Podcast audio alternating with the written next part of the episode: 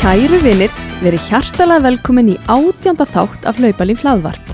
Ég er Elín Edda Já, og ég er Vilhjalmur Þór og við erum búin að skrifa niður markmiðin fyrir árið 2020. og hvetjum ykkur til að gera það sama, eða ekki? Já, jú, það er mjög mikilvægt að skrifa niður og setja sér stór og góð markmið fyrir þetta stóra ár. Já.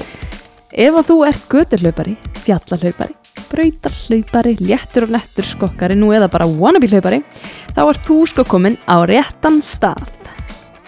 Já, Elín, velkomin, Já, verður bara sjálfur velkomin. hvað sér gott? Það er bara skýðu fínt, sko. Skífín, skífín, herðu, ok, þú, nei, ég var með hlaupa staðrindina í síðasta þætti, Já, eða ég er ekki alveg viss, uh, mann ekki alveg, en það skiptir ekki máli að því þú ert með hana núna, já, þú varst búin að finna eitthvað til. já, mér fannst svolítið viðandi sko um, við Fengum til okkar í þáttinn ungar mann sem að uh, hefur nú aðeins gefið út fyrir að hann sé að reyna við olimpíuleikana 2020 Já, meðal, meðal annars allavega. meðal annars Já. og um, mér fannst svona áhugavert að skoða það svona í þessu ljósi hver lámörkin eru fyrir þær vegaleindir sem að hann hefur möguleika á Hmm, aðteglisverð. og um, hann langaði að spyrja þig hva, hvort að þú hafir eitthvað hugmynd um þessi lámörk en uh, þá vorum við þá aðalega að tala um 3000 hindrun Já, og uh, 5000 metra hlaup semst lámörkin inn á ólpíuleikana 2020 í 300 og 5000 metra já og þá vorum í, við í Karla. í kallaflokki en þú mátt líka hérna, gíska á hvenna við förum kannski aðeins yfir það bara svona upp Ok. á gamaninn Ok, ég veit alltaf að mörkin voru þrengd allsakalega já, frá því síðasta uh, olbjörnlegum í Ríó já, já, þetta segir mér ekki neitt sko Nei, en því, ég veit að Íslandsmet í 300 er 844 já, og ég veit að það sagði við okkur að það þurfti að bæta það verulega til að komast inn mm og hvað er verulega? uh, sko Íslandsmet í 3000 innan hús er 759 ég ætla að segja bara 815 Mm, í 300 ok, og í 5000 er Íslandsmetið 1357 já sem ætla að gegja tími mm, undir 14 Ef ekki segja bara að lámarkin á, á ólpilökunni 5000 sé 13 29 það þurfi svona að bæta 30 sekundar á Já. hvoru Mér finnst þetta nefnilega svolítið skemmtilegt að skoða þetta af því þetta setur þetta svona í annað samhengi Já. þannig að maður svona skilur hvað er erfitt og hvað er ekki erfitt já, en, en að í 3000 metra hindrun það er 8.22 ok Og- þannig að það, já, er, það er mjög erfitt að bæta sig úr þessu tvær, eh, 8.45 Fjórar. eða fjórar já, niður í 8.22 og Ok. Mhm. í kvennaflokki er það 9.30 ok, ok ef maður fer yfir í gömlumörkin bara svona upp á gamari þá Já. voru það 8.30 sem er Já. talsvert eh, 8 sekundum hægar Já, og, átt- og 9.45 fyrir konur. já,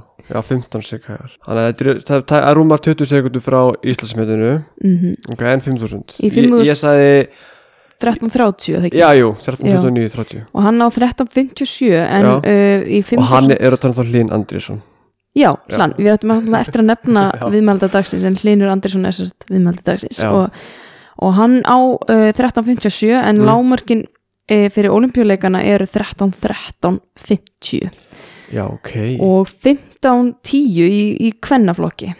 15, 10 Þetta var uh, áður fyrir þá var þetta 13.25 já, og 15-24 þannig að maður sér hvað þetta er eh, hlutfallslega erfitt í rauninni að bæta þetta svona mikið og uh, þetta er náttúrulega bara orðið svolítið erfiðar en, en þetta var en eins, þessi bara geta í marathóni þá er lágmörki núna 2.11 fyrir kalla og 2.29 fyrir konur já en það er náttúrulega líka búið að, að uh, breyta kerfinu þannig að það er eitthvað svona tvöfalt kerfi og einhver stig sem að Já. gilda líka inn en, en það gæti náttúrulega verið að hlínu komist inn þá mögulega á stigum ef hann næri ekki í tímanum Já, það er en- bara að vera spennandi að fylgjast með gaman að sitja þessi lámörk í samingi við Íslandsmyndin já, akkurat, Magna.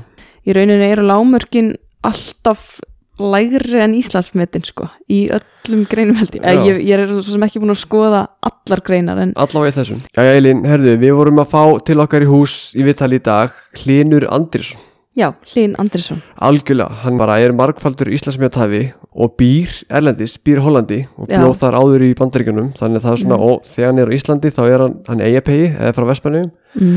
þannig að við náðum honum hérna í klukkutíma á öðrum degi jóla og Já. hérna tókum henni vital úf, það er búið að vera erfitt að ná honum Já, já, skiljanlega Upptökugæi, sko. Upptökugæi, og hérna okkur langar mjög mikið að heyra hans sögu já eðlilega, enda bara magnaður hlaupari og fyrst og fremst að fá að leifa ykkur að heyra hans sögu Já, Margvöldur Íslandsmetæfi sem segði áðan og Já. bara alveg frá 1500 og hann á Íslandsmet í 10.000, 10 km, 5.000 já, þetta er Hljóp- magnað hljópundur 14 í 5.000 í sumar sem enginn hefur gert þannig að þetta er alveg og hann er með stóra hálít markmið Já.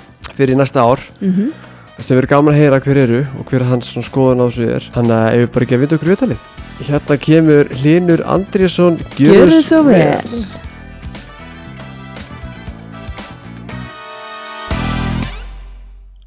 Hlinur Andriðsson, verður hjertalega velkomin í hlaupalíu hlaðvarp Já, takk hérlega fyrir það. hvað séu gott?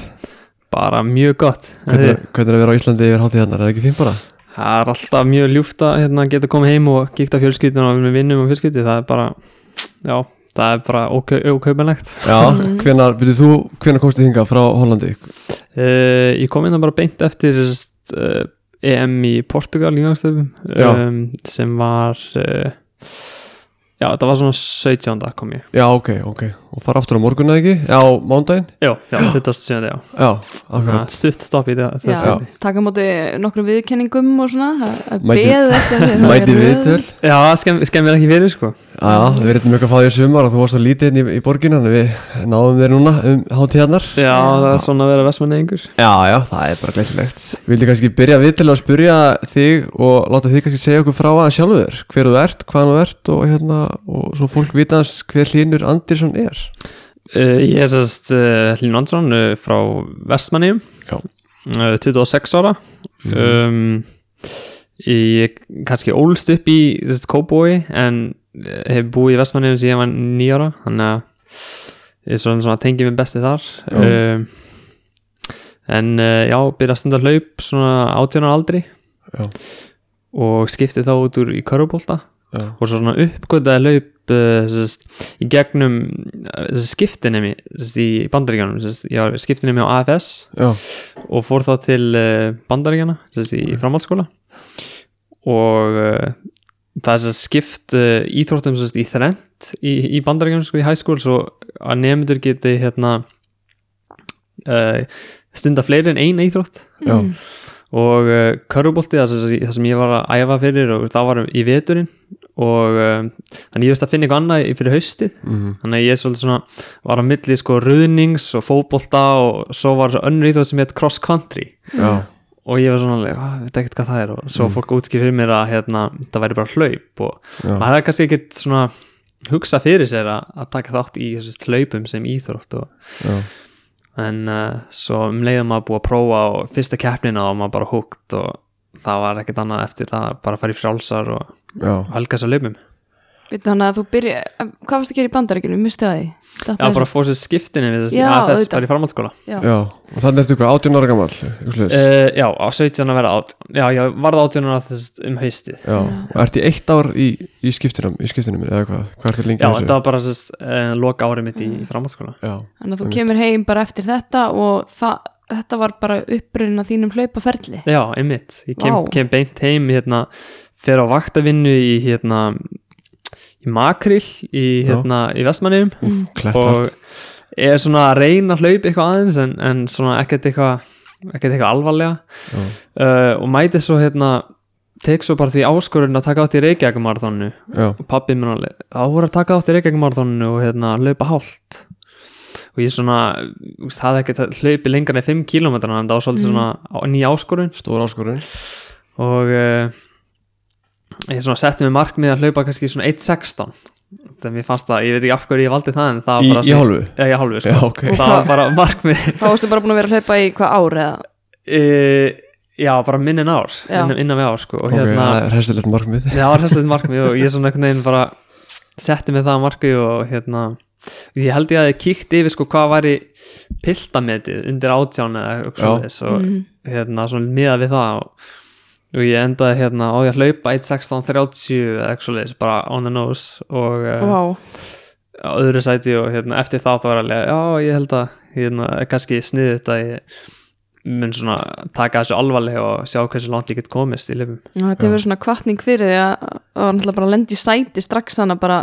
stutt eftir að byrja að æfa já þetta var bara já, frekar þú veist, skrítið sko Hver var hann í fyrsta sæti? Mástu það? já það var toppi Já, ok Hátambi, Já. já, já, já Sleggja hana já. en það var svolítið svona þegar maður var úti að keppi í þessu víjónslaupum sko, það var bara f- annað hlaupið mitt eða eitthvað sem ég sigraði sko, og, og, það hefði ekkert verið að æfa nefnum bara kannski fjóra vikur og það er svona þá sem ég átt að segja svona, já, ég kannski hef eitthvað svona umfram aðra í hlaupum sem að já, ég þyrfti kannski svolítið að nýta mér Já, hún varst bara strax talent í rauninni. já, maður kannski segja það já. en svona cross country, þetta er svona stórt í bandaríkunum þetta er ekki einn stórt, hérna finnst mér ekki okkar allavega á Íslandi þetta er mjög stórt en, úti en það er út af því að það er, sem sagt, þetta er sko liðakeppni í bandaríkunum já, milli skóla þá já, þú ert sem sagt, með fimm sem að er í liði já, og sérst, þú skorar eftir í hvað sæti þú lendir sérst, fyrsta sæti skorar eitt stig annars sæti an, tvö stig og svo kollu kolli og svo er samanlagt sko topp 5 sem slaupar í höður já, það lið sem er með lægsta stigi sko, Já, já, það lægsta stigið, og það er ok. rosa skemmtilegt og því að, þú Já. veist, það er svona liðsandi í þessu og það sem að finnur kannski ekki annars staðar í hlaupum Það er Nei, nei, miklu nei. meira svona í bandaríkjunum, miklu meira svona ebling fyrir íþróttum. Hef, maður hefur það á til, tilfinningunni að það skiptir miklu meira máli, einhvern veginn svona hópeblið og, og þetta sport. Maður öfundar svolítið bandaríkjumenn að þessu okkur að Já, myndi óska já, að klárlega. þetta væri svona hérna. það er náttúrulega bara, ég held að stærsti munun er að íþróttir eru sko tengda við skólan þegar Já. þetta er ekki klúb íþróttir sko þannig að Já, þú ert já. með sérst, og stolti að keppi fyrir já, skólan og klappstýrir og, og dansar og veist, þetta er svolítið svona Já, já, þetta er svolítið skrítið sko og það væri eh, geggjað að þetta væri svona hérna. já, mér slíka sko, mér var svo flott hvað, hvernig þau gerði þetta með því að hafa sko þú gast stunda þrjár íþróttir þú Mm. veist, eina yfir haustið, veturinn og svo, Já. svo vori sko, þú veist, það fyrir bara helgar einni Þar getur maður líka fundið hvar kannski talentin liggur og svona. Það er já, ekki- akkurat, innmitt Þetta er alveg. Einmitt. En ok, þú sérst byrjar að taka hérna halvamorðun í Er- Reykjavík og ert í cross country en í dag, svona þín grein í dag hv- hvað myndir hvað myndir segja að það veri? Já, um, það er bara eitthvað sem ég hef verið að reyna að finna út úr sjálfur í- Já. bara í mjög langan tíma og ég held að það er svona kannski minn akkilis hæll í hlaupum er að ég er ekkert sérstaklega góður í einni grein en ég myndi svona segja að ég sé kannski sterkastur í þessum þessum millivélningdum sem er svo 3000 metrar og kannski 5000 metrar Já, þannig að já, það er svona það sem myndi ég, myndi ég telja sé- mín sterkasti greinar en það er ekki að segja, veist, ég hef ekkert verið kannski að æfa fyrir hálfmarathon eða marathon en að Nei. maður veit aldrei setna meir hvort að já, maður verður kannski góð marathonlaupar eða eitthvað Já, nú hefur aldrei henni tekið prógram þar sem þú ert að miða að hólmarathon, þú bara ferði í hólmarathon og hún er alltaf þessum góðu tímum sem þú ert Já, ég var hérna frekar svektur hérna, eh, 2018 í fyrra þegar hérna mm, það kom í ljósa að var þessi vittlus mæling en það er reiknum að ég ég hafði hlupið 1.05 sko en ég var frekar sáttu með þann að tíma Já, ég var líka mjög sátt með minn tíma Já, Það var svolítið svona en slapp þú, in the þú face. hljóst þar 65-44 eða ekki, það er ekki rétt Eitthvað svoleiðis, já. Já, já. sem er einu bara mjög stutt frá Íslandsmyndinu Já, ég 64-55 held að sé að það er svo smá tíma en þau í 1.04.55 held ég sé að Já, meti, sko. já, einmitt, Um, frá 2015 Það Kári, er náttúrulega mjög stert meti, Kára. já að þú ert á kepparunni, já, þú kemur alltaf heim um, í ágúst og keppar alltaf í hálfu Já, En svona hefur gert það yfirleitt, sko. það er bara einhvern veginn þannig að þú veist, það hjálpar rosalega fjárhagslega að, sé- þannig að, hérna, að fána hann pening sérst, en, en Já. hann sigur peningum og það er Já. einhvern veginn, sérst, er þannig í gautalhipunum að það er peningur í því, það er kannski Já. ekki í öðrum frjálslegreinum, þú hefur sens á því að vinna þér einhvern pening sko. Já, einmitt Þetta er eiginlega ein- eina, sérstaklega á Íslandi þar sem að maður getur fengið bara svona peningi hendunar sko. Nei, já, nákvæmlega það, sko, me- me- Íslamistara titill mesta sem ég veldi unni á braut er 300 efur og það var bara fyrir að vinna rigg Já. það, það er ekki, hérna, Já, það er ekki já. sambarlegt að vinna 190 skall bara fyrir að leipa Nei, nei, nei hálmarðan bara upp á Já. sannu En ég, mér langar svo að spyrja þig bara þú, svo fyrir maður sér þinn grunn áður en við höldum áfram með það sem að kom svo eftir það Já, Mhm. Varstu mikið í íþróttum áður en þú fórst til bandarækjana sem skiptinemi eða varstu sem krakki alltaf að æfa eitthvað eða já, bara svona sitt lítið hvað sko, en ég held ég að fundi svona ástyrði fyrir körfubolta því ég var 11 ára ég var svona að keppa með mínum flokk og svo eldri flokkum og, og það var svolítið svona mikið í gangi í körfubolta í vestmannum á þeim tíma já, og það var bara mjög skemmtilegu tími og svona fyrsta skiptið sem að ég svona fann mig einhvern veginn í, í svona leiðtóa stöðu í íþrótt já, það var svona þegar, þegar köruboltin byrjaði í Vestmennum og mér fannst hérna já, mér fannst bara mjög gaman og hérna vildi halda áfram og, og hérna og þannig vildi ég sérst fara til bandaríkjana til þess að Þú Sko, varst að sjá hvað ég stefna á gæti það. sko. já, Já. ég var að stefna á það sko. Já. það er bara einhvern veginn já, örlögin urða því að ég fann hlaupin í staðinn já, sem er svona allt öðruvísi íþróttirunni einstaklingsmiðaðari og en það var svolítið eins og, eins og rannsóknir að koma út og það er sagt að körfubolti sé mjög góð íþrótt fyrir það sérst, fyrir sérst, að byggja líka maður fyrir hlaup og ég held að það Ok. sé eina, lík, eina ástæðan sem ég hef haldið rosa meðslalus Já, það. allir minn fyrir sko. Já, kannski þú og Arnar bá, báðir verið meðslalausir út af þessu Já, þannig og að- líka reynda Kári Já, þannig að- herri, ég ætla að segja, Kári líka Já, þetta er góð pæling já þetta er greinlega mikið að hopp og já, mm. greinlega undirbyrðið Mhm. Já, alltaf mikið hopp, það er rétt Og mikil styrkur Það er alveg það sem mann finnst erfiðast svona við svona þessar stóðaengar er eitthvað heldis hopp sem maður þarf að vera að gera sko.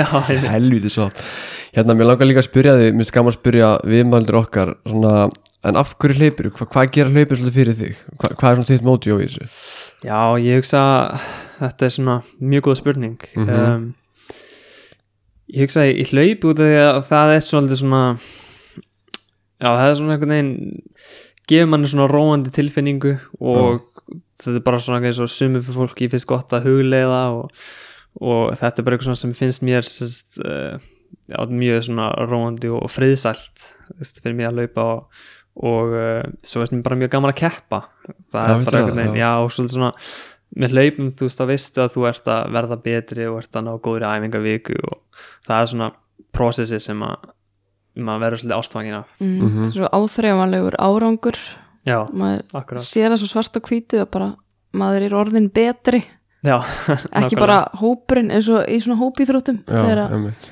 það er það er það sem Treysta maður aðra mjög svo þar, sko. aðlaðandi við þetta sport sko.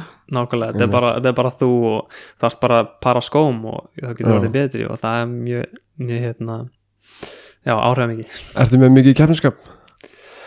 já, það eru örgulega margir sem geta vitna verið því sko já, um, ég held líka að þú verður að vera svolítið svona kannski grimmur til þess að vera svolítið svona á háusti í íþrótt einmitt um, en uh, það hefur allan að á keppinskapi hefur allan flýtt með langa leið já, myndi ég segja. einmitt en svona þú klára mentaskóla bara mjög fljótlega, þannig að ári eftir að þú kemur þá heim mentala Já. Eh. og svo ferðu út til bandaríkina eða ekki Jú, ég sést ég fekk sérst, bóðum að bóðum sérst, eftir ég kláraði frjálsar uh, sérst, um vorið já, það var cross country um haustið og svo frjálsar um vorið og uh, ég var hann að þriðji fylgismestarmótin í Mariland sérst, í 3200 metrum Vá. sérst, þegar keppa í tvær mílur Já. tær mílu Tveggja mílna hlaup, já. það er fyrir- fyrir- já, fyrir eitthvað skrítið og hérna, en ég fekk bóðum háskólastyrk og hérna já, einhvern veginn bara og svolítið var svolítið svona líka rosa me- vel við tíma minn í bandarengjunum, Já. átt egnaðist mjög mikið að vinum og, og svona fann mig einhvern veginn betra, þú veist, Mhm. það var svolítið svona erfitt að vera frá vestmanni, út af því að lítið samfélag og það er ekkert fólk að gera mikið það er kannski, já, svona eitthvað öðruvísi og mér fannst svolítið svona að ég þyrfti að fara aftur út Já. Þess- í, og það hlaupi náttúrulega bara sköpuð með leið til þess að, að gera það já, hver, hvert fórstu? Sko, ég fór fyrst í sest, Division 2 skóla það, Já. það eru sest, þr- þrjú svona divisions í NCAA sem er sest, háskóla deildin í vandaríkjum já, og ég, ég fyrir fyrst í sest, Division 2 sem er Já. svona já, það er alveg samkjöfnishæft en, en það vilja allir sem eru kannski góður hlaupar að fara í Division 1 sem, sem Ok. er sest, það sem alkeppnin er og Svona efsta deildin Já. eða þannig já. Já. ég náttúrulega var ekkert það góður þess að ég gat fengið fullan styrk til þess að fara í Division 1 strax þannig ég fór fyrst í Division 2, var þar í eitt ár Mhm. já, en keft aldrei fyrir skólan ég tók svona það sem að kallast redshirt ár ok þannig að þú- þá sérst, kvíluru uh, sérst, keppir aldrei fyrir skólan en bara veist, ert að æfa í eitt ár bara til þess að svona aðlast já, ok byggja upp grunn og svona já, og þú getur bara keft í fjör ár fyrir skólan Já. þannig að þetta er svona leið til þess að svolítið svona, nota íþróttamanni sem já, mest Eh, tengja já. nám, eða tegja námið Já.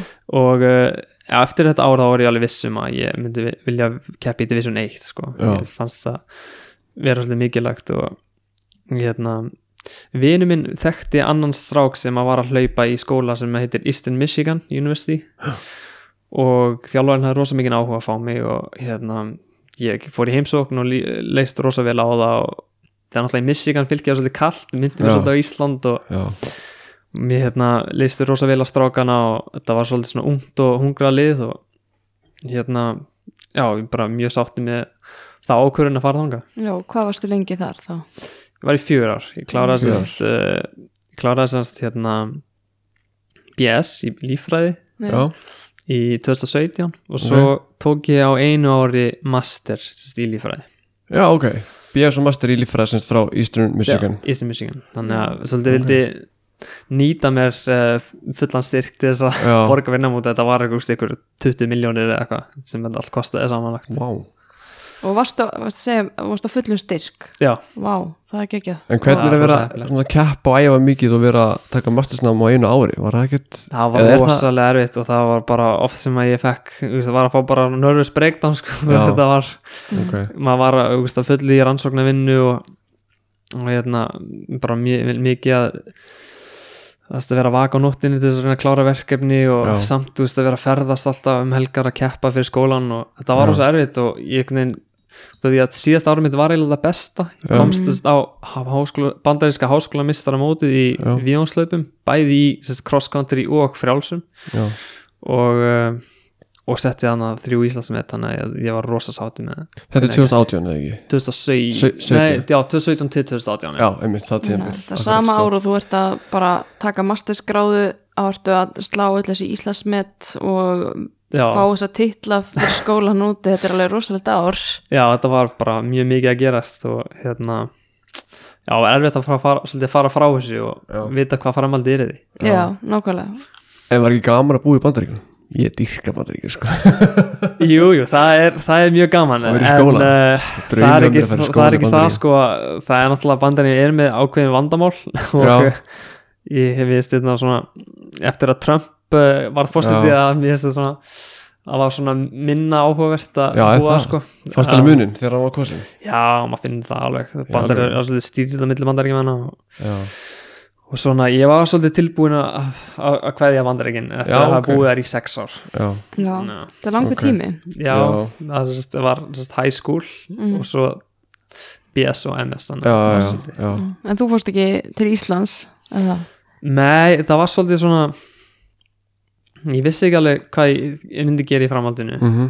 um, það var annarkvæmt bara að fara að vinna og svolítið svona bara fara að hlaupa sem hobby mm, eða bara helga sér hlaupunum alveg og hérna reyna að komast á þetta atunum hann stig og það var bara eitthvað sem ég svona held að ég myndi kannski sjá eftir ég myndi ekki reyna það, út af því að Já. ég var það nálagt í college, þess að var Já. bara að keppa bara á hæsta leveli þar Mm og uh, ég sérst hitti þjálfara hann sem þáverandi þjálfara Anitu uh, sem heitir Honoré já, frá Hollandi og uh, sérst, á EM í, Ber í Belgrad innanús 2017 Hi- hittumst þar og mér listi vel á hann og Mhm. hann svona vildi hjálpa mér að að svona komast að þessu og þannig að ég fór bara til Hollands og hann ég veist, gaf mér sérst, íbúð og ekki gaf mér Vá, íbúð hann, ok, gó- góðu þjálfari hann hérna fann fyrir mig íbúð ætti ég að segja Já, já. sem ég svo leiði já, já, já, já. hérna, Gekkið þjálfari maður og þannig að þetta var uh,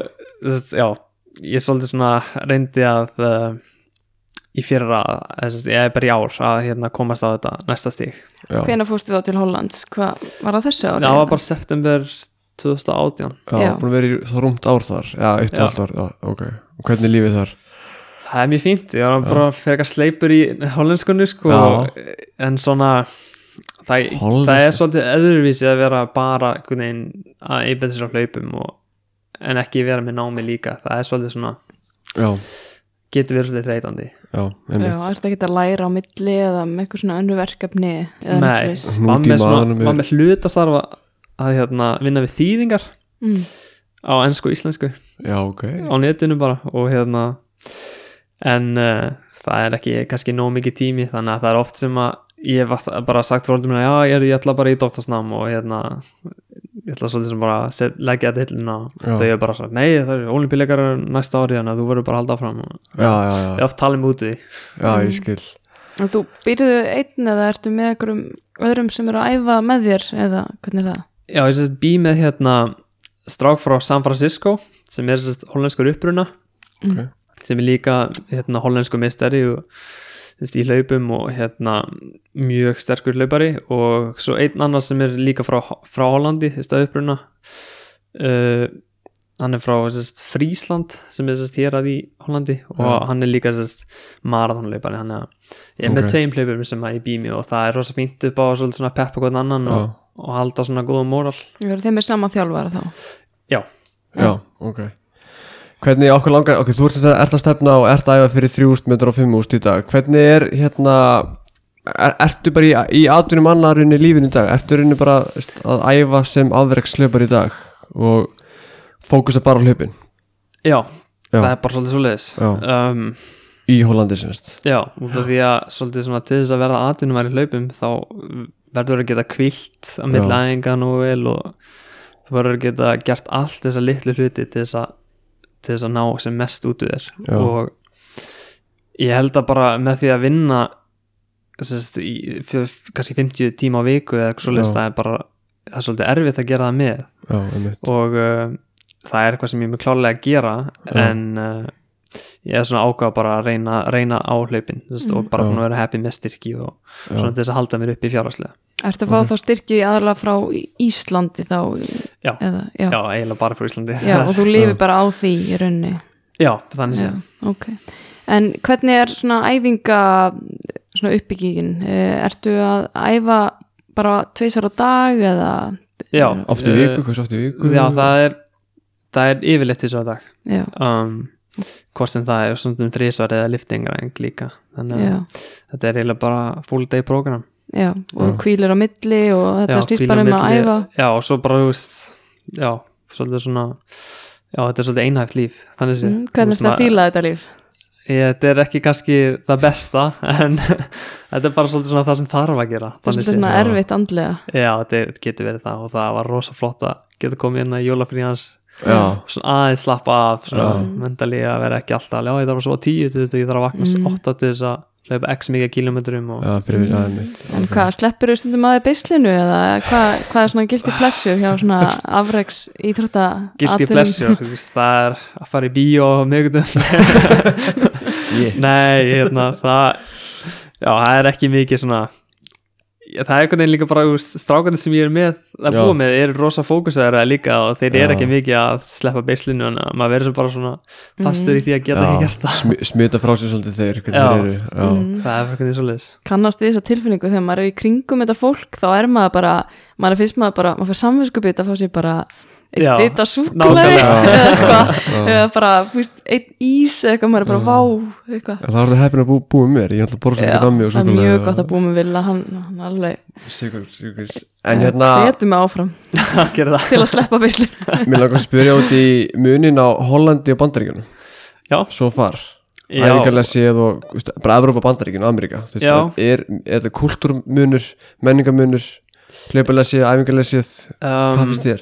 Já, það er mikill munur Já. Það er mikill munur það, Ég er svolítið svona að sakna þess að vera hluti af, af liði Já, Mm. það var svolítið svona maður er náttúrulega með stráka sem maður hleypur með í Hollandi og alltaf en það er svona þess að liðsandi sem að, maður svona sakna og það var rosa gaman einmitt hérna að keppa með, mér finnst alltaf rosa gaman að keppa með íslenska landslinn út af því að já, þá er maður finnum maður að liðsanda aftur og það Einmitt. er svona það sem ég finnst skemmtilegast við íþjóðina já. en svona almennt þá er kannski uh, já svona, ég myndi segja að kultúrin er svolítið öðruvísi í Hollandi það er kannski svona erfitt að útskýrða en, en það er kannski já, það er miklu meira um- sem sagt, í bandaringum þá er svo allt sko, það er svo allt í lang, langli fjarlægð já, það já, er allt svo, já. svo samansett í, í Hollandi og Já. þú þarft ekki að dega bíl en eitt en Nei, kemst einmitt. kannski ekki upp með það í bandaringunum þannig sé Já. fjarlæðanar eru gríðarlega Já. í bandaríkjunum Það er það, þeir eru svolítið svona ástfangnir af, af hérna bílnum þannig að engar gangstjettir og Nei, Nei, nei, já, akkurat. já, einmitt sko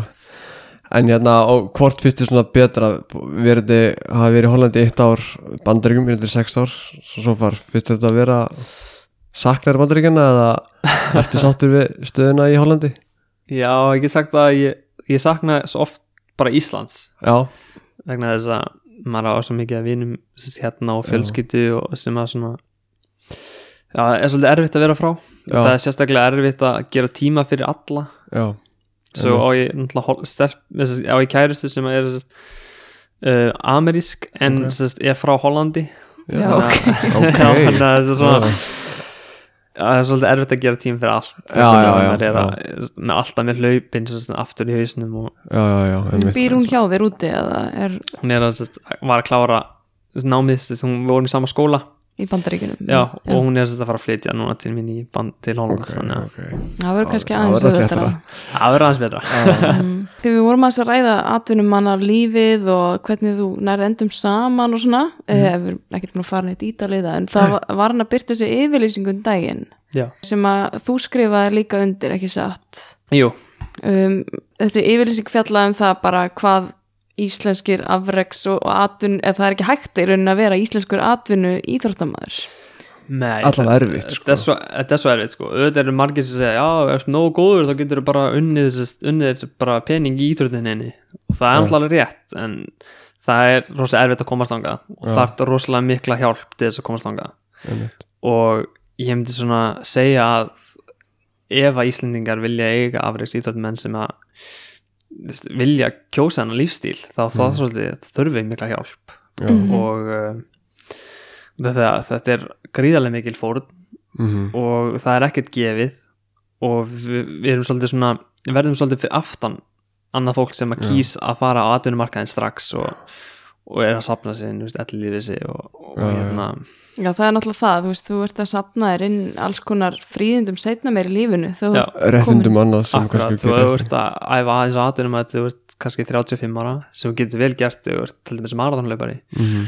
þá já, ertu svolítið bara rámant og eftir og hættir að vera hlaupar allt í hennu algjörlega eða þú meiðist eða eitthvað gerist Já, Þannig að einmitt. þetta er rosa þetta er rosa erfitt margir sem að fórna kannski náminu sínu og, og, og fresta í rauninni lífinu og koma svo kannski og starfsframar líka tíu náttúrulega. árum sí, á eftir öðrum inn í allan hennar pakka það Akkurat. getur alveg verið erfitt og þetta er bara svona, við vorum að reyna að vekja aðtekli á Já, Já, og það er líka, ég sá að þið voru líka að reyna að vekja aðtekla því að það er í rauninni auðveldara fyrir suma sem eru bara svona samfélagsmiðla týpur og eru svona samfélagsmiðla stjörnur í rauninni að, að afla sér tekna Akkurat, sem eru kannski ekkit endilega með mesta talentin í ykkur íþrótt en eru nei, bara akkurat kannski bara engan talent já, jafnvel engan en eru kannski bara svona flottir út á við og og hérna kunna að selja sína e, ímynd eða líkama eða, eða eru með eitthvað svona konsept sem að er heillandi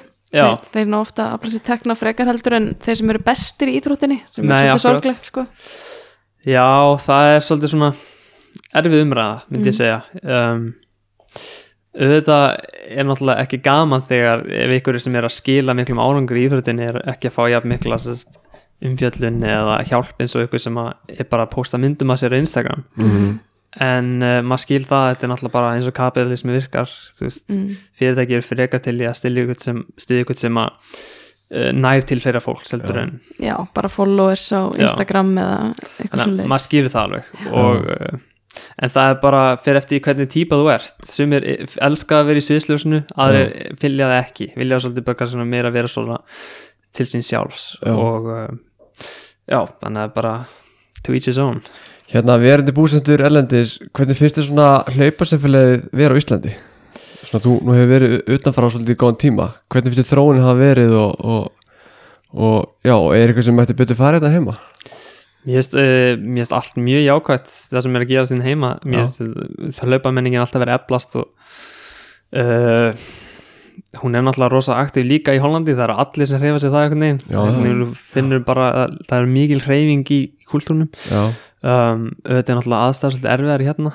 já, með, með viður og hvaðna já en já, mér finnst eh, eins og bara með að gera þetta hlaðvarp mér finnst það flott að hérna já, þetta sérst, gefur fólk sem eru áhuga á hlaupum kannski eitthvað til þess að hlusta og, einmitt og hérna, já, þetta er fórlega gefandi sko já, þetta sé það það læri eitthvað nýtt finnst þetta hafa breyst svona undanferðin ár finnst þetta hafa, finnst þetta fleiri vera að hlaupa fleiri vera að hreyfa sig eða er meiri svona umræð um þetta eða pælinga bak við þetta já, um, Mér eða var finnst þetta kannski meiri í gamla þetta ef ég svo kannski svona, svona hreinskilin þá finnst mér hérna almenningur hafa eikst kannski aðeins já, einmitt en uh, já, kannski svona ekki kannski fólk sem- sem er að gera þetta svona að uh, kannski mjög mikla alvöru er, Já. kannski, kannski við það ekki hækkað mikið nei, en, nei, nei. en hérna, svo lengi sem að það er fólk sem er að, sem er að hlaupa það, náttúrulega bara mjög jákvæmt já, Mm, þetta er einmitt svona einhver líðheilsu já, alveg klálega En þú keppir líka reglulega fyrir Íslands hönd í alþjóðlegum keppnum og þú fórst með alls upp um deild í sumar með landsliðinu já, og var ekki á þriði í aðra deild? já þriðara deild Já, og var ekki gaman? Það er til að hafa mikið með það náttúrulega já, takk hérlega Það var út í hvað, Norður Makedóni eða ekki? Jú, Norðumakutinni, já. Já. það var rosa gaman en það var Já. svolítið svona það var rosa dramatíst náttúrulega Já, Við, eh, komið end- ljósið bara alveg í lokin Já, eða ekki? vendum á því bara uh, hérna sjá að serbarnir höfðu verið bara dæmdur úr leik í 4400 bólibi og, Nú, og það var bara nóg til þess að koma okkur upp um deild og, já, og kannski svolítið óvænt Já. út af því að serbarnir eru það sterkir yfir allsum ok en uh, já, við bara já, var rosa stolt, stoltur af íslenska landsliðinu við einhvern Já. veginn bara börðist allan tíman og þetta var, það var allir að skila sínu Já, mann eftir að fylgjast með þessu, þetta var alveg mjög skemmtilegt að sjá þetta, svo þegar þau voru að fagna í lokin, sko. Já, einmitt. Já, þetta En- var svolítið svona, þetta er svona það sem að frjálsa snúast um fyrir mér Já, Já. það sýnir þess að svona liðsheild og hvað er gaman að vera svona saman í, í liði en samt að keppa í sinni einstaklings íþrótt. Akkurat Hvernig finnst þér svona frjálsar íþróttir hafið þróast á Íslandi? Finnst þér, eru, eru betri á svona alþjóðlega mælikvarfa eða er, er, er ákveðin stöðunin í gangi? Mér finnst sko ha, um, Mér finnst það afreks íþróttamenn sérst, í frálsum haf, það, við erum að fá alltaf fleiri og fleiri Já. Mér finnst það rosa flott mm Mhm. því að við erum svolítið að sína hvað við getum í frálsum og, og hérna, en ég náttúrulega veit ekki hvort að um, þetta er, svo- þetta er, van- vi- þetta er vinsall íþrótt en áður en Já, allavega erum við hérna, með mjög mikið að sterku frjálsættafólki og hérna, já, bara mjög gaman að sjá það já, Já, svona hlutvæðslega, kannski. Mhm. mm. En við erum ekkert búin að fara neitt yfir svona þín met og þannig, að- þann árangur sem þú náður svo þannig að á þessum tíma Þessu bæri, ári? e, að já, seinustu kannski aðalega 2-3 árin 2017, 18, 19 aðallega, já. 19, ef Mhm. ekki aðeins að, að fara við það, þú er náður nokkrum áttana nokkur Íslandsmet ég vona bara að hlaupa afrikarskáin sér rétt hjá mér sko já, já, þú veist, ég er rétt uppfærð, en það- ég fór yfir þetta á netinu og hérna sem sagt, 2019 þá situr Ísland í, í 3000 metra innanhús Já, uh, í februar, Bergen mm uh, jafnframt í 5000 metrum það ferði undir 14 mjöndur Já, það var í ekki- júli í sumar 13, 57 1357 já 37 í, í Belgíu og svo jafnframt líka í 10 km gödulöpi það var í Massíaslinn í Hollandi Já. uh, 2459 29 2949 Já, það er mjög Heimsmet. og það var, það var 36 ára gamall Íslandsmynd frá 83, Já, Jón það- Dyrgjusson það var sérst legendið hann Jón Dyrriksson já, þannig að þú átt hvað hvað áttu mörg Íslandsmet? 5? en veitu, ég ætla að fara ég, ég, ég er ekki búinn, sko, Ó, ég er já. ekki búinn og svo 2018, þá settur Íslandsmynd í 3000 metrar hindralöpi það var í mæ, í Flórida 844 og svo í 10.000 metrum uh, sérst á braut 29.20 og það er frá mars 2018 það er líka, er ekki Norður Karolínu væntanlega, í bandaríkunum já. og svo uh, sá ég líka að þú ert líka Íslandsmet í hálfumarathoni í flokknum 20 til 22 ára já, 69.35 já, ég man ekki alveg hvernig það var það er væntanlega þá uh, eitthvað 2000 og eitthvað Mm, Já, þú hlýtur að vita þegar þú varst 20-22 ára 26 Já, ára í dag 2013 held ég að setta 2015 15, já, Já. já, ef við verðum á síðasta árin hérna Mhm.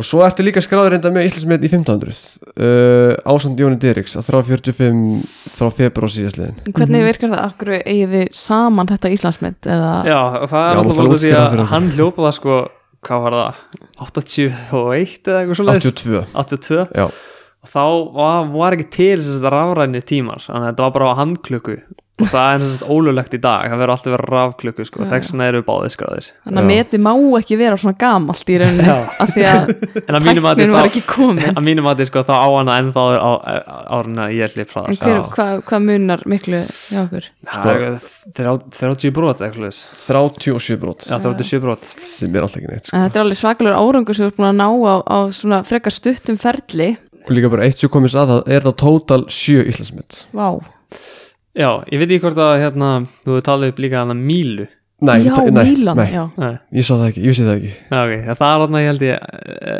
aðra greinar eða eitthvað svoleiðis líka okay. það er svo, við þekkjum það svo lítið sko, Já. en Já. það er náttúrulega mjög virðingavert að- að eiga það er Míluna náttúrulega sko. svona bandarísk grein sko, þannig að það var náttúrulega gaman að keppa í því já, tvær Mílur og Mílan og, ok, átta íslensmenn fyrir göð ok, ok, það vantaði henni, glæsilegt já, hvað sér þið fyrir þér svona, ætlaru að, ertu að stefna á að ná Íslandsmetinu í þá hálfu og ætlaru að stefna síðan á marathónið í framhaldinu eða?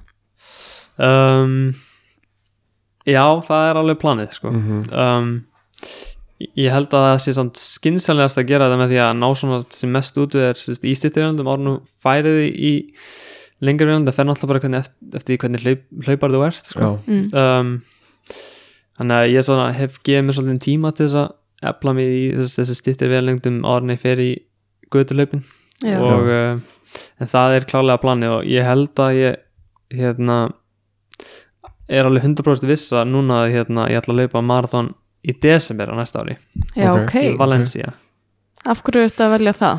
því að ég hef alltaf nota hausti bara sem víðjónslaup Mm. og uh, nú uh, finnst mér svolítið bara svona að ég hef náð öllum árangur sem ég þarf í viðjónslaupum Já. og hef keft á EM tvisvar og með medali og Norrlandamótinu og þannig að það er svolítið svona já, ég held að það sé bara komið tími til fyrir aðra áskorun og mm hérna langar svolítið að prófa marathon já, Mm. og uh, ég held að það sé bara góð tími til þess að prófa það í desember næst, ég held að gefa mig góða tíma til þess að undirbúa mig já Mm. já, það er En það átti alltaf nú þegar hörku tíma í götunni sko, og Íslandsmeti 10 km og er ekkert langt frá Íslandsmeti í hálfu þannig að þú ert vantilega mjög, mjög öflugan grunn fyrir þá desember hlaupið eftir ár Já, það er svona ma marathón náttúrulega er svolítið svona öðruvísi grein maður Já. veit náttúrulega aldrei hvort maður sé eitthvað efni í því að það er ekki en Nei, já, ég vona það bara ég, einmitt. já, ég hefast ekki um það en það er samt maður þarf að bera virðingu fyrir því að klárlega það er svona að og segja líka það bara, allir já, bera, bera vinningu fyrir þú veist, eins og metanum hans kára, þeir eru mjög sterk og Já. hérna, en það þú er ert gaman að alveg komast náttið þú ert að slá alveg margra tuga ára gömul metjafel hvað finnst þér þetta ekki í rauninni magnað að hugsa um þetta Sko, jú, þetta var sko, þetta, þetta er svolítið svona fyrst þegar hún erði ykkur, eins og því maður fyrst var Íslandsmeistari, Já. það var alveg bara, ó, ég er Íslandsmeistari og veist, rosa svona ánæð með það svo svona, alveg, að hvað er næsta markmið og það var bara að slá Íslandsmet og ég Já. held að eftir að maður sló sitt fyrsta Íslandsmet og einhvern veginn, nú er hvað skipt sem að þegar maður bæti sig þá er maður að setja Íslandsmet og þá er þetta svolítið svona að renna saman í eitt já, Mm. en Einmitt. uh, nú er svolítið svona að það sem er skemmtilegast að er að ná svona medalíu á alþjóðlegu móti já, einmitt Mhm. um, en það er bara gríðarlega erfitt sem þú ert samt byrjaðar að gera eins og nú gerir bara hvernig var Norrlandamótið í Við á slöpum, viðvangsleipum, var Um, Já, það var ekki í haust? nóvember, held ég. Já, jú, lók nómber lendir þar í öðru sæti já, Já, Það var ekki með það. Takk kærlega geggjaður fyrir árangur við, við viljum tókum náttúrulega þátt í Norrlandamótinu í Já. fyrra 2018 Það djöði var- maður það þetta var hérna- Það var að erfa sem ég gert á æfum minni sko. já, já, að ég get alveg tekið undir það það var rosa- það var rosa erfitt leik Drullin í lögadalum sko Ykkur Já, já. danir að ringsóla mann hann það var mjög sárt uh, að taka þátt í þessu en sérstaklega maður er ekki búin að undibúið sér sérstaklega fyrir En alltaf Nei, gott nákvæmlega. eft- eftir á, eða ekki Alltaf gott eftir jú, á jú, það var, það var ágætt að vera fyrst íslenskra kvenna já, um öll En mér langar verið. þess að halda fram í mjög Íslandsmet bara örlítið sko, því að ef við segjum að þú sett þá með Íslandsmet í 1500 og myndir svo halda áfram og Já. taka í hálfu og heilu, þá átti sko öll Íslandsmet frá hálfu, nei frá 1500 upp í heila. Það væri náttúrulega rosaleg staðarinn sko. já, já en a- aftur á móti sko þá á það er ekkert að gerast Nei, einmitt. það er svolítið svona, þá er eitthvað neður svolítið svona bara pressa á milliðarndar hlaupar eða eitthvað til þess að Já. bara ta, slá mitti mín En sko. það myndir sem segja hvað þú hefur þá gott runni í þessu staðin í dag, hvað þú ert um góður í þessu stuttu og runni líka þessum götu, götulöpu líka sko.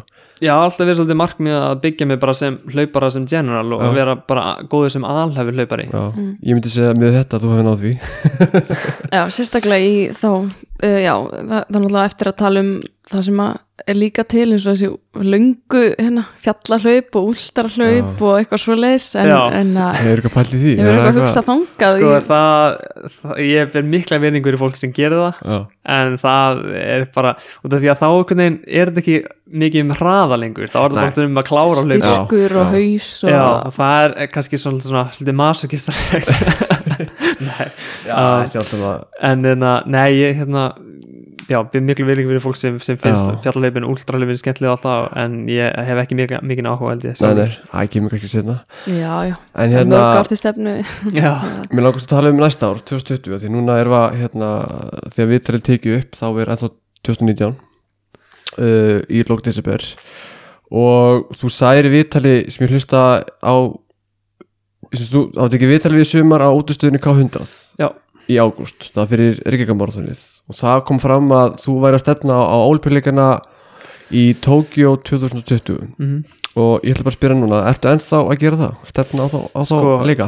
uh, ég er meira að stefna bara á að standa mig vel á EM í París Ok, okay. í sumar ok, um, ef olimpileikandi gerast þá er það frábært já, en ef ekki þá er það bara svoleiðis ég ætla ekki að vera ég lifi ekki lífinu fyrir einhvern atbyrð sem gerist á fjórum árum einmitt um, en uh, það væri að sjálfsögðu frábært og það alltaf hefur alltaf verið markmiði já, og ég einhvern veginn setti mér markmið að verða að fara á olimpíuleikana en, en það var svolítið svona til þess að að lámörkin breyttist eða það breyttist hvernig þú getur komist á olimpíuleikana Já. og það er orðið tölvöld erfiðara en var já, þannig að á þess að svona setti mann í erfiða stöðu með það já, mm. þannig að ég er svolítið svona alltaf frekar að stíla á það að, að, að hérna, EM í- standa mig vel á EM já, EM í Og- hverju þá þá er ég annarkvort 3000 eða 5000 mm. ekki alveg búin að ákveða mig það er hvort það ég sumari sko. 2020 yes. já, en hvaða grein mynduru segjum að þú myndir komast á olimpíuleikana hvaða grein heldur að það væri sem þú myndir keppa í Já, hann var- væri annarkvort 3000 eða 5000 Já. Ég þarf Já. þá að hlaupa tvo góða ánagra í 5000 já, Mm. út af því að það telsist innan hús 3000 telst líka upp í Mm. ok og þá myndi ég þurfa að hlaupa þrjá góða árang- árangra í 3000 Já. það er náttúrulega er erfitt sko, sérstaklega að hitta alltaf á það já. en uh, já, vonandi gerist það Mm. svo leiður þetta með ef þetta er ránt en þú veist, þú veist að tímin, á- tímin þinn í 3000 er 844 er ekki rétt Jú. og í 5000 er 1357 Já, þurftar að bæta þessa tíma eitthvað Verulega. mikið, já verulega bara já Ég þurfti að svolítið að eiga svolítið svona það sem kallast breakthrough season bara þetta sem að- maður kemst á annar stig já, Já. það er þannig bara og uh, ég svolítið svona fekk mjög mikið að reynslu uh, Mhm. í, í, í, í, í þetta árið Já. og því þetta fyrst skitt sem maður er að, kepp, eh, er að, sérst, að fara í æ, að háfjalla ængabúðir og já, svona já, og uh, svolítið gerði nokkuð mistök sérstaklega í sumar ok, okay. að æfa of mikið í hæð og sérst, svona of stíft og ok einhvern veginn bara ekki nóg mikla verðingi fyrir því og það Ok. svolítið kom niður á mér þannig að ég held að það getur alveg gerst en uh, maður vonar bara það besta Mm. og ætlar að láta reyna á það Já, já, ég ætla að láta hann inn að Gott það hjá er alveg þér. klart mál og hérna, umbóðsmaðurinn er búin að setja upp sest, plan fyrir það Ok Maður spyrur þetta því að við, við stundum farið að æfa í hæð Hvað kallar æfa á mikið hæð? Já, sest, Varstu of hátt upp? Já. stífar æfingar í hæð já, sko, Já. Ég, ég fór hérna til Potsdamström í janúar sest, fyrir innanúrstímfili Suður Afríku? í Suður Afríku Já.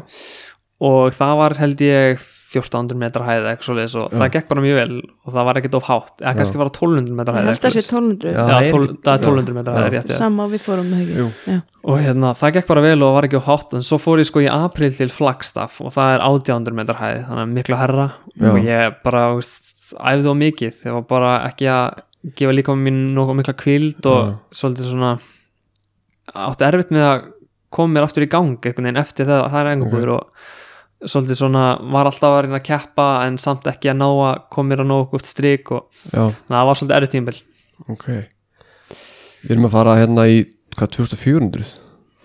já, í Kenya það er 2400 það verður Við hella þurfum að passa okkur þar Ég var í 800 metrum hana núna í oktober í mánuð og það var, var ég ofta æfi 2200 metrum eða eitthvað slags já, og þá var stundum, var ég að sírumæla mig og síran var bara orðin há áður en ég byrjaði sko, þú veist, maður Já. bara súr einhvern veginn í grunninn, þú veist, Já. maður fann það líka lappina voru alltaf þreyttar og já, en það var svo gott að koma niður sko og keppa og maður er bara með ferskustu lappir í heimi sko, já þegar maður er búin að vera að æfa á braut í þessari hæð Nákvæmlega, maður þarf að vera vita hvað maður er að gera og, og svona vera með svona vísindilega staðhendur á hreinu. Já, var akkurat Þetta Ég hef er- einu sinni, fyrir utan Suður Afríku Það hef ég einu sinni verið svona hæð, það verið í Boulder, Colorado Ég held að það sé 1600 Já, Mile High City, hana, þetta Alveg er rétt, Denver, já. hana og, ég, og, og það var ekkert eitthvað það erfitt eitthvað að skokka hægt sko en svo leiðum að tóku sko brautaræfingu eitthvað spretti, Já. þá bara leið mér rosalega illa sko Já. ótrúlega fyndið en magna upplega þetta sko Já, þannig En ekki alltaf- dýmdum mér að þetta sé svona að vera að taka mikið á svona æfingu Já. það tæki á líkamann sko.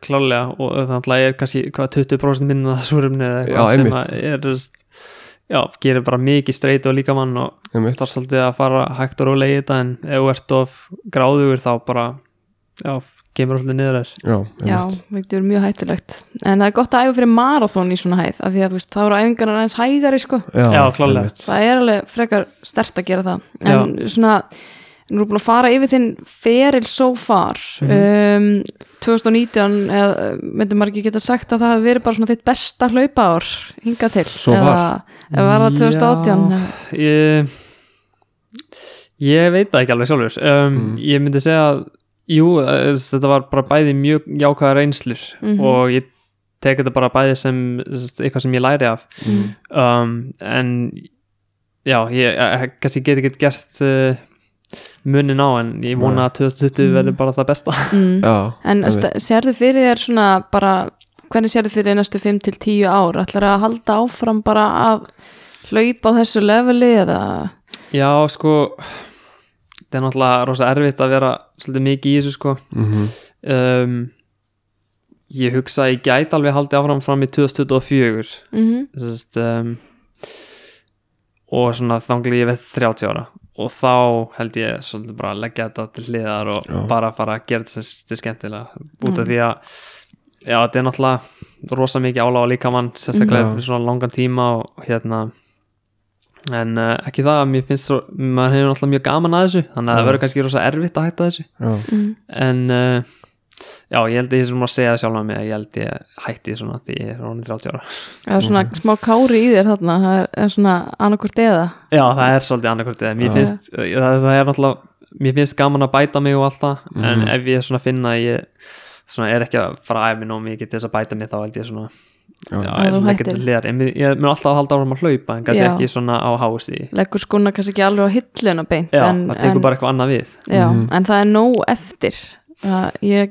get Já, ég ekki myndi trúa segja Ég það. það. skynju það mér langar að Já. spyrja það út í sko, það, þú veist, það eiga sér, að allir afreks íþórtamenn eiga sér einhver markmið og Mm. maður verður að vera með markmið til þess að geta haldið áfram annars er maður bara einhvern veginn staðinaður Já, en hvað væri svona bara svona the ultimate drauma markmið til þess að ná hjá þér bara, bara þú- þér líður bara svo þú sért á toppnum í lífinu um, ég hugsa að það væri að ná medali á, á EM okay. það væri, það væri bara ótrúlegt já, mm. um, og uh, en svona með markmið yfir höfuð þá finnst mér alltaf svona gott motto að sérst, under promise og over deliver það er svona Mm. ekki vera að þú veist, tala um mig, heldur bara frekar sína um, en uh, já, þetta er bara já, ég held hugsa að já, medalíu EM sé svona kannski Já. draumamarkmiðið mitt Akkurat það væri úkislega flott Já, það er ekki ekki Hvernig lítur út svona næstu árhjáður? Hvernig það er alltaf stefnun á EM í París í sumar? Hvað annað er að gerast hjáður? uh, það er sérst, ég tek innan úr tímubil líka Já, á innanlandsbrautinu og þá er sérst, HM í Nanjing, Kína ok Hám Hám innanhúss, innanhús Já, og ég ætla að láta reyna það líka já þannig að Er það það í vor eða já, það er sérst í, í mars í mars? Ok þannig að það er sérst það er almarkmið sérst HM í Kí- innan hús og svo Ok EM í París það Já. er svolítið svona og svo alltaf er olimpíuleikar en, Já, en uh, ég er svona alltaf bara að láta það gerast eða gerist já Sjá hvernig bara nýja árið þróast Já. Annað annars Geggjað. ertu svolítið svona að setja upp til þess að svona feila kannski Já, já, emmitt Þetta er bara virkilega áverð, það verður gaman að fylgjast með þér næsta ári Mhm. Hérna, ef ekki ég skella okkur í bónusspurningarnar jú, við erum með svona nokkra léttar og nettar í lokin Já, Ok. mis erfiðar að svara kannski Já, já, þetta er Ok. bara létt og gaman Ah. Hérna, ég ætla að byrja bara Já. Mér er svolítið að spyrja þig, hérna Af þeim Íslandsmyndum sem þú er náð Mhm. Hvað heldur þú að veri langlífast? Úf um, Þrjúur stendurinn Þrjústundurinn, Já, 8.44 frá mæ 2018 já Já, út af því að þú þarft að vera svolítið sérhæður hlaupari til þess að hlaupa þrjú hundurinn það er ekkert margir að keppa í því Nei. eða þannig Nei, það er Hérna heima þeirra sér sko. nema að koma ykkur sem er rosa hundurinn hlaupari þá að það annars held ég að það mun Já. örugglega vera já, það mun sennilega standa það lengst Ok, ok það er kannski svona það er kannski ekki metin per se sem ég er ánægast með sko. Nei. það, er, það er þessi múrar sem hafa farið undir sko, eins og Já. fyrstur undir 14, fyrstur undir Já. 8 í 3000, það er Já. svona það sem maður er stoltastur á sko. og undir líka 10 í, eða undir 30 fyrir ekki í 10 já, eða undir Já. 30 10 já, að núna eru orðin tveir, já undir 10 götu Hvað er svona uh, stoltast að hlaupa afrikið? Uh, já, það er klárlega fyrstur undir 14 mínúti 5000 Já. Þá- fi- 5000 var fyrst, fyrsta hlaup sem ég kefti í það var á Já, götu ok. þá Já. ég hljóp 90 mínútur eða eitthvað svoleiðis þegar ég var Já. 17 ára Já. og uh, svo heyrði ég bara einhvern veginn alveg hérna, frá okkur úrslitum að ykkur er hlaupið 13 mínútur Já. ykkur staðar, það var eitthvað brauta með þetta og ég bara skildi í hvernig ykkur gætt sprett 5 kilometra, ég bara alveg what og svo Mm. þegar maður er búin að ná þessu sjálfur þá var svolítið svona, já, Skilur. það var, það var rosa mikið moment já, já, já, já, já. fóröldar mínar voru á staðnum flugu allaveg frá Íslandi til þess Já. að vera með mér í Virginju þegar ég Já. gerði það og það var bara ótrúlegt moment fyrir mér já Geggjað. einmitt. ef þú væri ekki að hlaupa hvað íþrótt væri að stunda eða hvað væri að gera í lífinu wow. um, Já. já, ég hugsa að ég myndi bara vera í, í vinnuferlinum sko, já, já, bara í vísindaransóknum eða, já, eða hérna, já, bara ykkur, ykkur starfi já, e, íþrótatengt, það myndi örgulega vera að sprikleika í körfu eða eitthvað leis já. Það er NBA bara.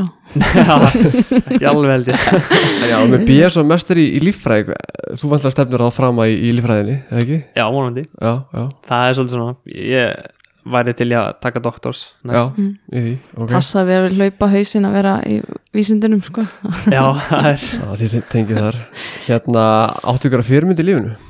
um, Já, já, alveg, alveg margar sko Mm um, Ok, næsta, nei uh, Kannski svona staðist að vera ég bara að segja kannski svolítið klísi að segja en Nei. að frá pabbi minn Já, Já. já, það er ekki glísað maður Er hann eitthvað í íþróttum eða er hann bara Hann svona er ekki í þessum neginn Nei. en hann, hann er s- svona, já, bara rosa góð maður Já, já, Já.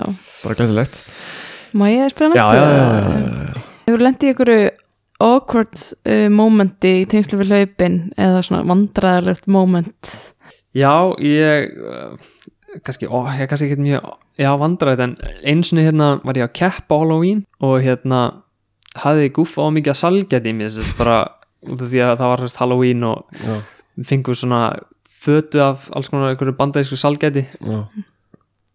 og uh, uh, ég ældi sérst bara um leiði komist yfir línuna, mm. vannlaupi og hérna ældi bara um leiði og komist yfir línuna og, uh, og hann að allt þú veist, var bara með svona chunks á hérna, Já. keppnisbúningnum og þetta skeið líka fyrir hérna í Reykjavík marathónin í ára, ég bara ældi strax eftir Já, já, með já. eitthvað í maganum þannig að já, ok Ég Já, ég- lendi þessu nokkur sinnum í marklíninu sko. já, það er fyrir ekki að vandrarlegt að það Já. gerist, sko. en þú veist það er svo líka með samt einhvern veginn hann passa sig að gefa þetta þangar til að sleppir akkurat, Akkúrat, bara já. í markinu það er rosalegt þetta er rosa skrítið Já, einmitt, ég hef aldrei lent í þessu það er ógeð að lendi þessu sko ég skilji mjög vel og kannski svona, já, með svona nammi það er Já, ekki en það- alveg að ma- besta en sko maður bara alveg búið minna með þetta sko. Það er morgumátti fyrir hlaup, hvað fær að borða fyrir sérst keppnislaup? Fyrir kemst upp Já. um, Það er annarkvært bara að rista brauð eða hafragrautir Já, Það er bara svona go to held ég eitthvað út á, út á gröðu? Jólka, rúsinur Eh, eða brúsinur eða uh, Já, bara kanilsikur og kannski sikur Já, Nei, kanilsikur, já, kanilsikur og hérna Kanill og sikur, sorry já Byrju hérna, af þessum metum sem þú hefur slegið, Íslandsmet, hvað var erfiðast að ná? uh, Þrjústindurinn 300 Já, Ok, það hérna var þetta segir erfitt að ná. 500 en 300 Að Ég, ég, ég, ég þurfti að bæta mig um tíu sem hvernig til þess að ná því Já, og uh, og hérna já, ég bara, já, var alveg örmagna eftir já, hlaupið Það var í hitanum í Flórida og, já, og hérna það var gríðarlega erfitt hlaup já 844, þetta er, þetta er, þetta er all verulegur tími í 300 Já, þú veist, þetta er, þetta er náttúrulega þú hugsaður, já, kannski 254 er ekkert rosa pace en þú veist, þegar þú ert að hopp, hopp yfir 5 búka og eina vaskrifju, sko, Já. hvernig ring þá er þetta svolítið svona, er þetta aðeins erfara Mér Ég finnst hugsa þetta að víst að 244 ógeðslega- sem er pace fyrsta lagi erfitt pace, Já. öðru lagi Hopp yfir Ah, fárálega skeri og hoppa yfir þessu búka sko. Já. Þetta er svona töff grein Sko. sko. En maður er ekki alveg upp í frjálsunum þá er maður bara, ég, veist, ég horfa á þetta ég myndi aldrei, ég ég myndi ekki sem þorrið á æfingu sko. Nei, ég held ekki að það hjálpaði rosalega að maður kunni, sko, að gera svona lay-up eða sniðskott með báðum löpum, sko, þú veist, Já. vinstri og hægri Já, já, já, og það hjálpar að geta sest, hoppa, fara yfir grindunar á báðum löpum, sko, Já. þetta er náttúrulega svo tæknisk reyn já, já. þetta er ekki fyrir mig, ég er alveg sem það Herri, ég er búin að tæma bónus spurningakablan Elí mín, ert Mm. þú með eitthvað í lókin eða? Nei, mér finnst þetta bara búið að vera mjög skemmtilegt og fræðandi viðtal og Takk fyrir að gefa tíma til að koma okkur Já, Það bara var- takk innlega fyrir að hafa mig Það var mjög gaman Þetta eitthvað var, sem að þú vilt svona uh, eitthvað svona skilabúð út í kosmosið í lokin Þetta er kosmosið um, áfram í bífaf Áfram í er Alveg rétt Nei, nei, bara hérna Já, bara takk fyrir mig innlega Já, bara sömulegis og bara Takk fyrir gangi vel, þú ert að fara að keppa núna á gammalstag út í Hollandi, Þískalandi yes. og bara gangi vel í því og, og þeim markmið að þeim löpum sem þú allar að taka þátt næsta ári Mm. það verður gaman, virkilega gaman að fylgjast með þér Takk Við kærlega munum og bara fylgjast sömu liðis og gleyðin í þar Já, takk